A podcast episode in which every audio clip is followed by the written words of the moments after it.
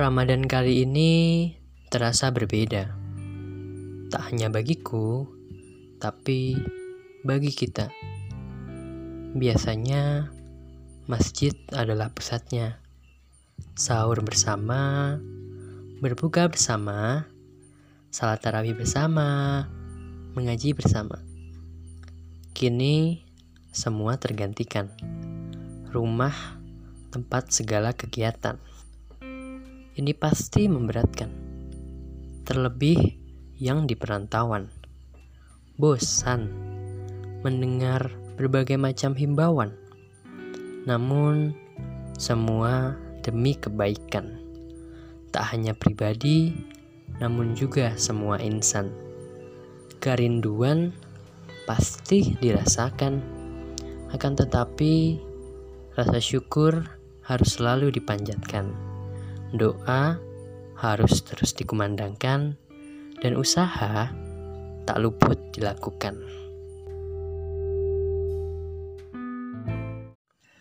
Halo semuanya, selamat datang kembali di Suara Nevis Nunu, podcast yang membahas berbagai macam hal yang terjadi di sekitar kita. Nah, udah hari keberapa nih dari kuarantin? Mungkin udah lebih dari dua bulan. Apa kurang dari? Kurang lebih lah ya dua bulan. Nah gimana nih? Bosen gak nih? Atau justru seneng nih terutama kaum kaum rebahan seperti saya? Iya kan? Seneng nggak? Sebenarnya ya di rumah aja buat orang-orang kayak aku bukan hal yang luar biasa dan yang sulit gitu kan? Karena memang tipikal orang yang lebih suka menghabiskan waktu luang di rumah. Dalam garis bawah waktu luang ya, bukan sepanjang waktu di rumah, ya kan?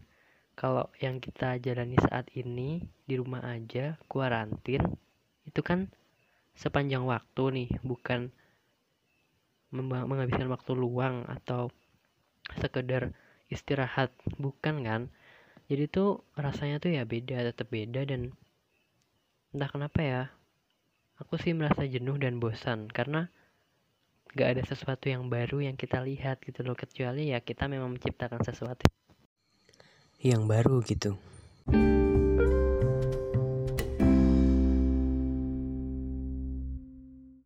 Kebetulan momen momen lagi momen kuarantin kali ini tuh bertepatan juga sama momen bulan suci Ramadan nih yang mana biasanya orang-orang tuh pasti sibuk di luar, keluar, keluar, keluar, sibuk mengadakan acara di luar, salah satunya buka bersama nih pasti banyak banget kalau bulan Ramadan ini undangan buka bersama di mana-mana, di semua jenjang ya nggak?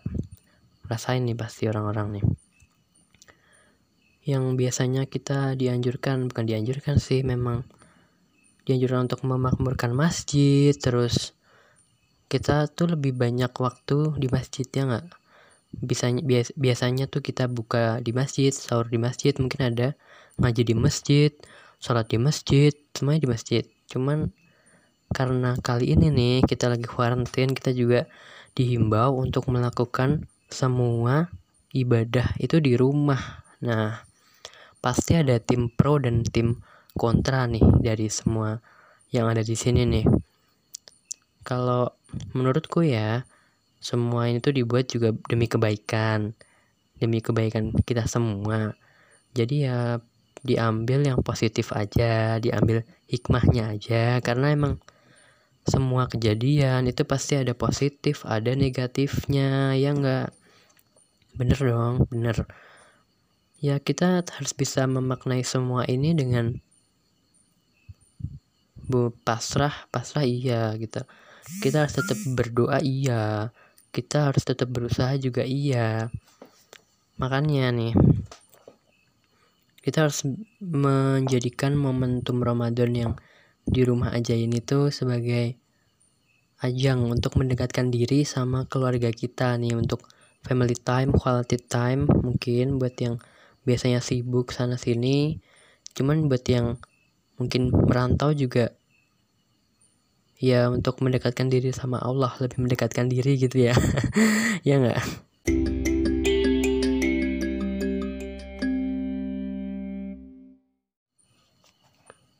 Pasti pada ngerasain beda banget kan Ramadan yang biasanya sama Ramadan yang sekarang ini nih termasuk juga aku. Karena nih seumur hidup Ramadan yang kayak gini tuh baru sekali nih beneran deh. Dari aku lahir kayaknya baru sekali ini ya bener-bener di rumah aja. Karena dari dulu pasti Ramadan tuh adalah momen ke masjid ngapain gitu. Dan bahkan nih sekarang nih peraturan yang baru-baru ini kan kita dilarang mudik ya nggak boleh mudik. Tapi ya tetap aja sih ada ada yang ngeyel ada yang mudik gitu. Buat tolong gitu. Itu kan demi kebaikan kita semua juga. Jadi tolonglah nggak usah mudik dulu nggak apa-apa kan. Besok setelah semuanya aman biar kita juga bisa mudik kalau kalian semua mudik ini nggak bakal selesai-selesai gitu loh. Ya kan? Aku sih memaknai semua ini tuh tetap pro dan kontra sih. Tapi diambil yang positifnya aja lah diambil hikmahnya. Ya emang situasi kayak gini nggak boleh mudik ya udah oke. Okay. tapi aku emang biasanya nggak mudik. Karena emang ya nenek kakekku deket banget sih. Jaraknya dari rumahku cuma 10 meter ya untuk informasi aja nih sekedar informasi nih. Jadi tapi aku ngerasain sih teman-teman nih yang biasanya mudik biasanya lebaran di tempat kampung halaman terus sekarang harus lebaran di rumah atau di mana itu sendiri terus cuma sama keluarga kecil gitu mungkin. Ya mungkin bakal terasa banget sih aku nggak bayangin sih. Itu pasti bakal bener-bener beda banget. Karena menurutku juga ini seumur hidup sekali baru kayak gini ya kan? Cuman ya kita harus ambil positifnya sih semuanya itu pasti ada positif dan negatifnya pasti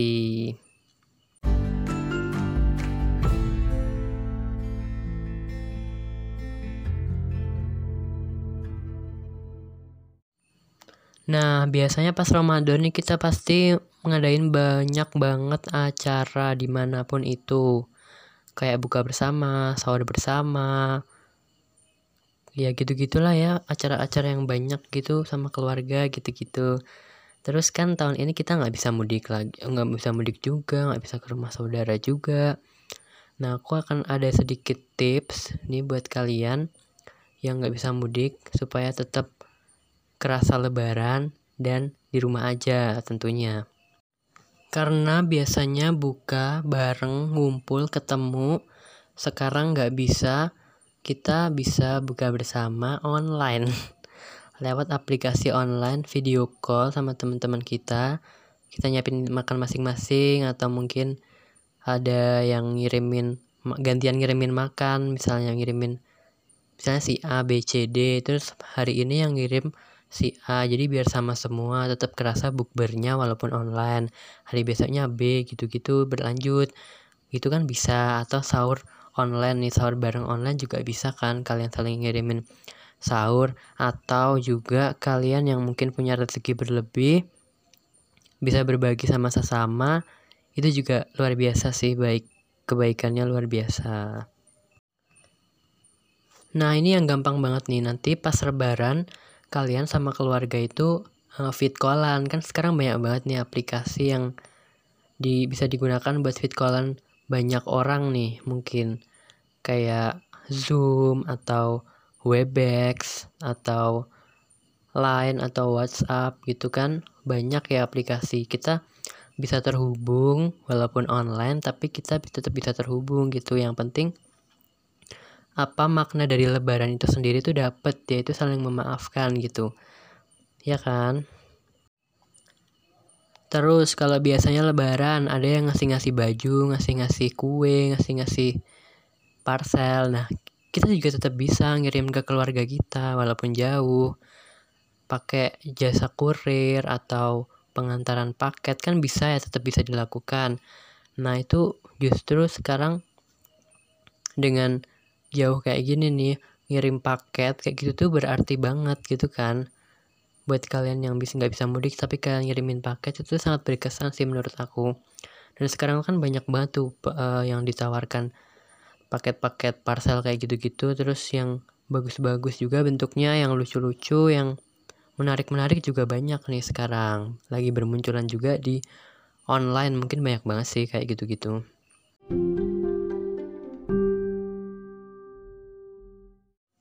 Kemudian bahas salah satu ibadah sunnah tapi ini tuh hype banget gitu loh waktu bulan Ramadan karena emang adanya di bulan Ramadan. Apalagi kalau bukan sholat tarawih ya enggak ini tuh adanya cuma di bulan Ramadan. Setahun sekali momennya dan dilakukan saat malam hari. Dan biasanya orang-orang tuh berkumpul di masjid sholat berjamaah banyak orang. Aduh rasanya tuh bener-bener kalau teraweh tuh ya kayak sejuk lega terharu juga kadang. Semua itu campur aduk gitu loh. Karena ya ini tuh benar-benar cuman waktu Ramadan doang sholat ini itu adanya waktu Ramadan gitu.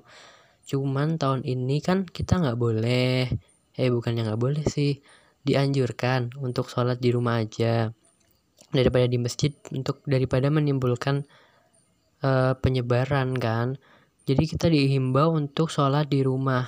Nah ini tuh juga sebenarnya pro dan kontra ya enggak ya kontranya yaitu tadi pasti kangen sama yang namanya terawih bareng-bareng di masjid banyak orang dan gitu-gitulah terharu dan lain sebagainya. Ada semangat buat ke masjid karena terawih banyak orang jadi semangatnya tuh berlebih gitu. Terus tapi ada positifnya juga gitu dengan terawih di rumah sama keluarga nih misalnya keluarga kecil kita misalnya kita juga terlatih untuk uh, apa ya meet bukan meet time family time sama keluarga kita. Mungkin jarang kan salat berjamaah sama keluarga kalau Ramadan gara-gara bukan gara-gara karena di masjid salatnya nih misal nih tahun ini tuh buat meningkatkan pendekatan antara keluarga waduh. Ya untuk mendekatkan saling uh, anggota, antara anggota keluarga gitu kan. Karena sholat sekarang berjamaah di rumah terus kan. Dan juga untuk melatih kita untuk menjadi imam nih kalau yang cowok ya nggak? Menjadi imam-imam masa depan. Ya gitulah. Seenggaknya tuh kita juga latihan jadi imam kan. Kalau misalnya nih biasanya kan bapak yang jadi imam. Terus misalnya bapak lagi nggak ada atau lagi capek atau pengen gantian nih kita bisa gantiin kalau yang cowok ya kan? Jadi kita juga ada latihan buat jadi imam gitu.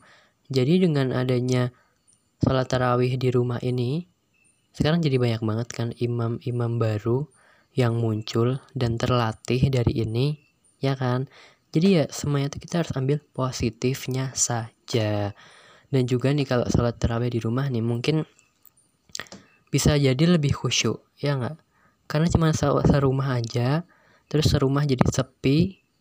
Kan kalau sholat di masjid ini kadang uh, ada lah orang yang bawa anaknya yang masih bayi gitu masih kecil sambil lari-larian gitu dengar suara motor atau suara apa. Sekarang kan di rumah jadi lebih tenang mungkin gitu ya. Jadi pasti itu semua itu pasti ada positif negatif dan kita harus mengambil yang positifnya aja.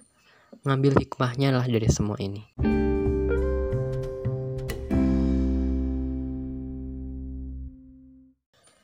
Nah, aku mau sedikit cerita. Aku aja nih yang biasanya Ramadan tuh ya full ya di rumah aja. Maksudnya nggak ke mana-mana ya. Paling cuman bukber sih. Tapi banyak sih biasanya bukber terus ya salat-salat gitu di masjid biasanya. Karena emang ini tuh momen gitu loh sebenarnya. Momen buat banyak orang pasti pada tersadar. Biasanya tuh hype banget nih kalau Ramadan nih pasti pasti banyak banget orang yang sholat tuh jamaah ke masjid gitu kan. Apalagi sholat subuh. Biasanya kan subuh tuh gak mesti nih bangun pas subuh. Ya aku gitu sih. Jadi bangun tuh gak mesti pas adzan subuh. Nah sekarang habis sahur kan kita pasti itu kan jaraknya cuma berapa menit sampai subuh nih 10 menit. Sambil apa yang kita makan tuh bisa turun dan tercerna biar kita nggak sakit perut kita nunggu sambil nunggu subuh gitu. Jadi kita bisa subuhan gitu loh. Biasanya kan subuhan tuh disuruh tuh jamaah sih. Kalau aku pasti disuruh. Biasanya tuh jamaah. Cuman karena sekarang lagi kayak gini jadi kita ya jamaah di rumah aja. Jadi ya biasanya tuh kayak semangat adalah semangat untuk ke masjid untuk jamaah. Setelah sahur tuh jadi ada gitu gara-gara itu. Cuman sekarang kita jadi sholat di rumah aja ya tetap harus semangat tetap harus semangat. Nggak boleh yang namanya sholat nggak semangat. Cuman rasanya tuh ada yang kurang ya nggak? Ada yang kurang gitu. Padahal biasanya juga subuhan juga bangun aja belum belum mesti pas subuh gitu kan. Tapi pas Ramadan tuh ya beda aja gitu. Karena memang lebih banyak orang yang hype hype kayaknya kayak apa ya namanya ya. Pokoknya orang tuh lebih merasa oh Ramadan gitu. Apa apa di masjid sholat di masjid gitu kan. Pasti banyak orang yang ngerasa kayak gitu. Aku juga. Jadi kalau Ramadan tuh momen sebenarnya buat kayak gitu gitu loh. Karena di apa ya pasti di pahalanya berlipat ganda gitu untuk jamaah. Tapi kan jamaah bisa di rumah juga sebenarnya. Kan pasti hype aja di masjid tuh merasa kayak wah gitu. Ya ini Ramadan gitu. Terasa banget Ramadannya. Cuman sekarang nggak kayak gitu kan. Sekarang kita di rumah jamaah juga di rumah ya ini juga kita ambil positifnya gitu. Um, dengan apa-apa di rumah mungkin kita termotivasi untuk selalu membersihkan rumah ya nggak? Karena kan kita ibadah harus di tempat yang bersih gitu. Yang biasanya rumah tuh biarin aja deh kayak gitu gitu nggak penting dibersih bersihin cuman sekarang karena dipakai ibadah tiap hari tiap kali jadi eh, motivasi termotivasi untuk selalu bersih bersih rumah termotivasi juga untuk belajar bacaan-bacaan. Maksudnya surat-surat pendek untuk sholat. Nih kalau buat yang cowok-cowok yang latihan jadi imam untuk masa depan amin ya rabbal alamin. Itu kan kita juga biar nggak bosen nih surat-suratnya dipelajarin. Terus biar intinya pendekatan sama antar anggota keluarga sih ya kan? Lebih terasa gitu loh familiarnya tuh. Wow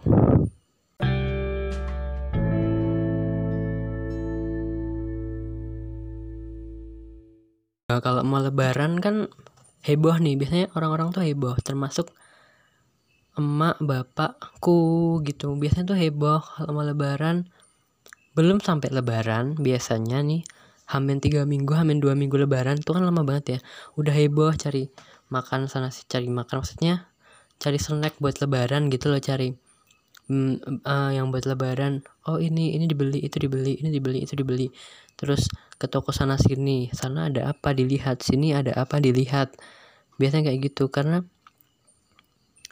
uh, sebenarnya ya kalau aku pribadi ya di di dalam keluarga aku sih kalau lebaran tuh biasanya bukan cari baju bukan cuman makanan. Makanan yang bakal dimakan pas lebaran gitu kayak banyak gitu loh.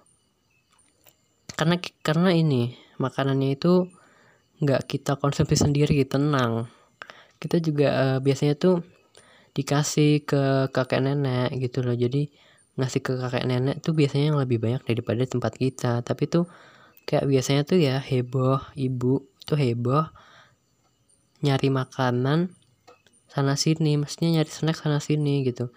Di semua toko nih banyak banget. Maksudnya di semua toko toko tuh diliatin di sana ada apa nih di sana ada apa di sana ada apa gitu. Cuman tahun ini nggak seheboh itu jadi nggak heboh banget.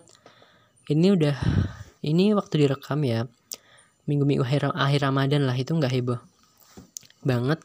Nggak nyari makanan nggak nyari snack sama sekali ke sana sini karena nggak berani gitu. Karena apa ya selama pandemi ini dari awal sampai akhir selama di rumah aja nih aku selalu bilang kalau belanja biar aku aja gitu kan aku selalu nggak ngebolehin adik-adikku tuh ikut. Aku punya adik kecil dua. Pokoknya nggak boleh ikut. Yang boleh belanja cuman aku sendiri. Kalau enggak ibu sendiri gitu. Bel masih belanja belanja apa pun itu makanan juga kayak gitu. Jadi yang biasanya tuh belanja tuh wah ngajak adik-adik ribet. Ribet iya gitu. Tapi milih-milih bareng-bareng ngomong diomongin diobrolin oh ini gimana? Kalau beli ini gimana ya? Kira-kira beli ini gimana ya dikasihin bagus nggak ya gitu. Sekarang apa apa sendiri gitu. Cari makanan buat lebaran pun nggak seheboh dan sehektik biasanya gitu. Ini minggu-minggu akhir ramadan aja masih kayak nggak beli apa-apa. Karena emang kita merasa besok lebaran juga di rumah aja sederhana aja keluarga besar aja. Karena kebetulan keluarga besar juga di Jogja semua di Jogja semua dan ya biasa cuma ngumpul keluarga doang sih. Itu aja sih.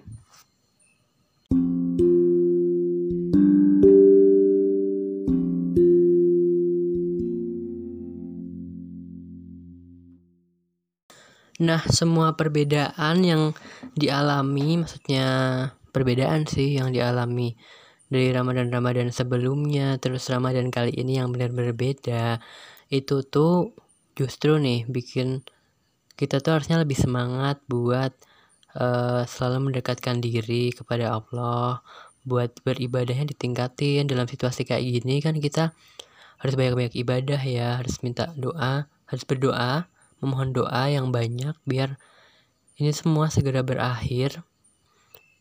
Kita ya bersaya, tapi berdoa itu penting banget.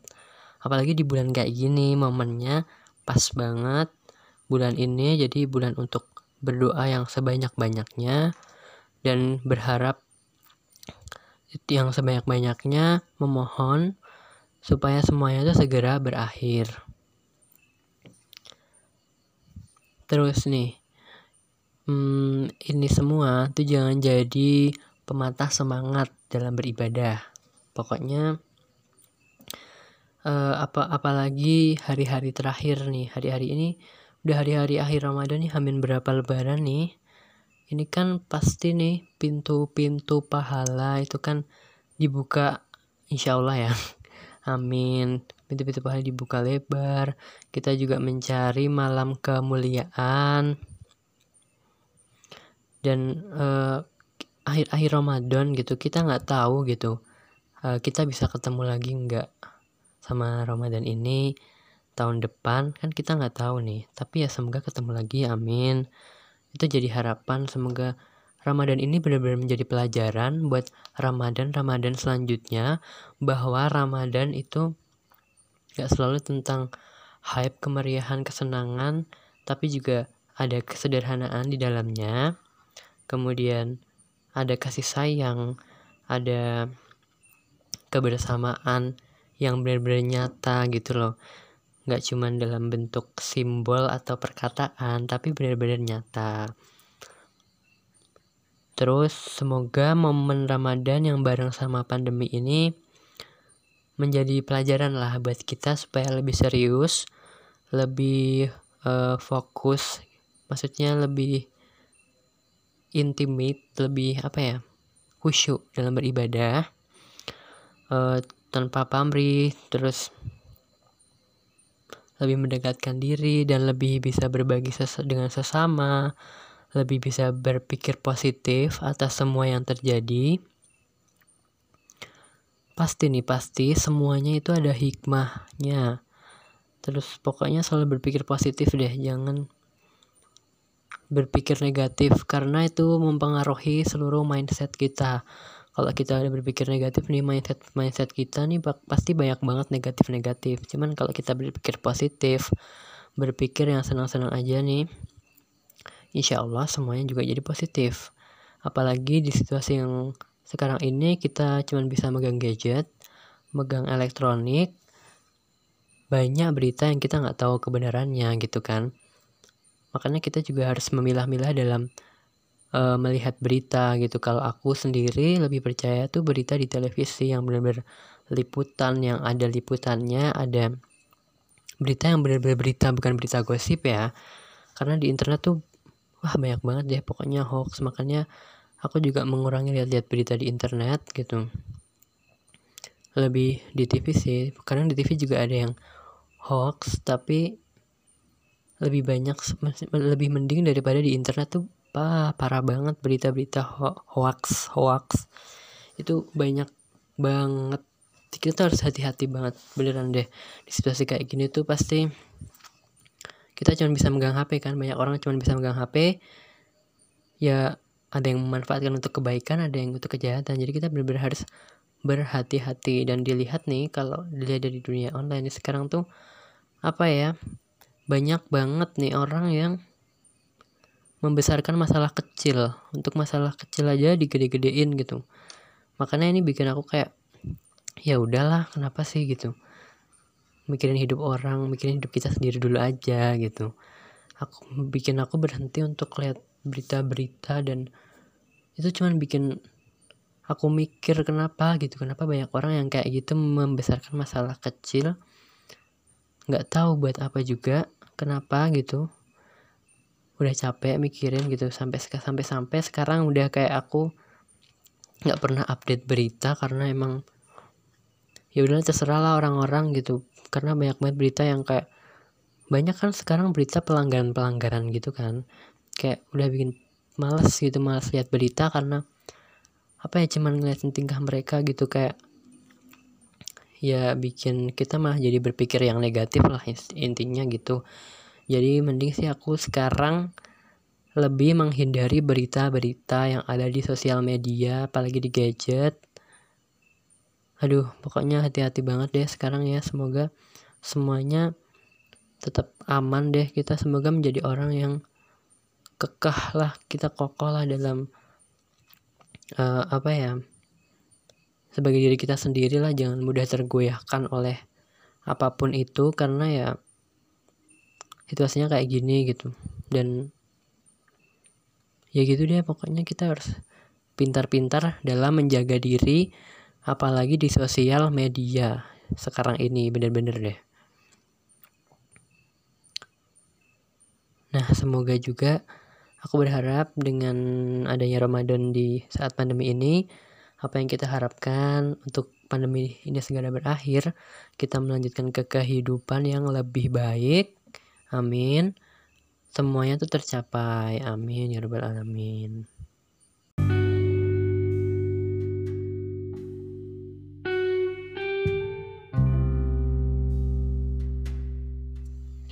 Oke, sekian dulu episode kali ini. Semoga bisa menghibur dan bermanfaat, menginspirasi mungkin.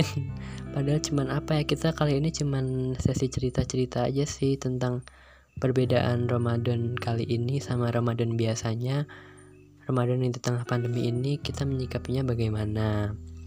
Nah, pokoknya jangan lupa untuk selalu jaga kesehatan dan kebersihan, keamanan juga. Tetap taati protokol yang ada saat ini, taati peraturan lah dari pemerintah gitu.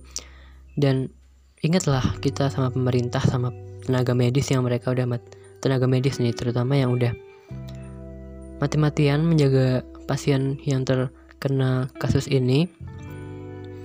Kita harus kasihan gitu loh. Kita harus kasihan sama mereka mikirin mereka juga. Jangan jadi orang yang egois. Misal nih kita ada yang mau mudik. Ingatlah tenaga medis kalau mudik makin nambah nanti gimana tenaga medis? Mereka juga nggak bisa mudik. Mereka juga nggak bisa mungkin di bulan Ramadan ini mereka juga nggak bisa beribadah gitu kan. Karena siapa? Karena kita semua karena ngurusin kita semua. Yang nggak ada background medis-medis gitu kan. Kita harus menjadi orang yang toleran lah sama orang jangan jadi orang yang egois gitu. Kita harus menghargai sesama juga. Kita harus menyayangi keluarga saling berbagi sama sesama. Pokoknya jaga hubungan baik-baik sama sesama. Jangan mas jangan membesarkan masalah-masalah yang kecil terutama saat ini tuh. Terus juga semoga yang nggak bisa mudik semoga nanti bisa mudik kalau udah baikan amin ini semua demi kebaikan kita semua. Semoga kita bisa melewati ini dengan penuh uh, pikiran positif dan kita ambil hikmahnya. Amin. Oke, gitu aja. Sampai jumpa di episode selanjutnya. Dadah.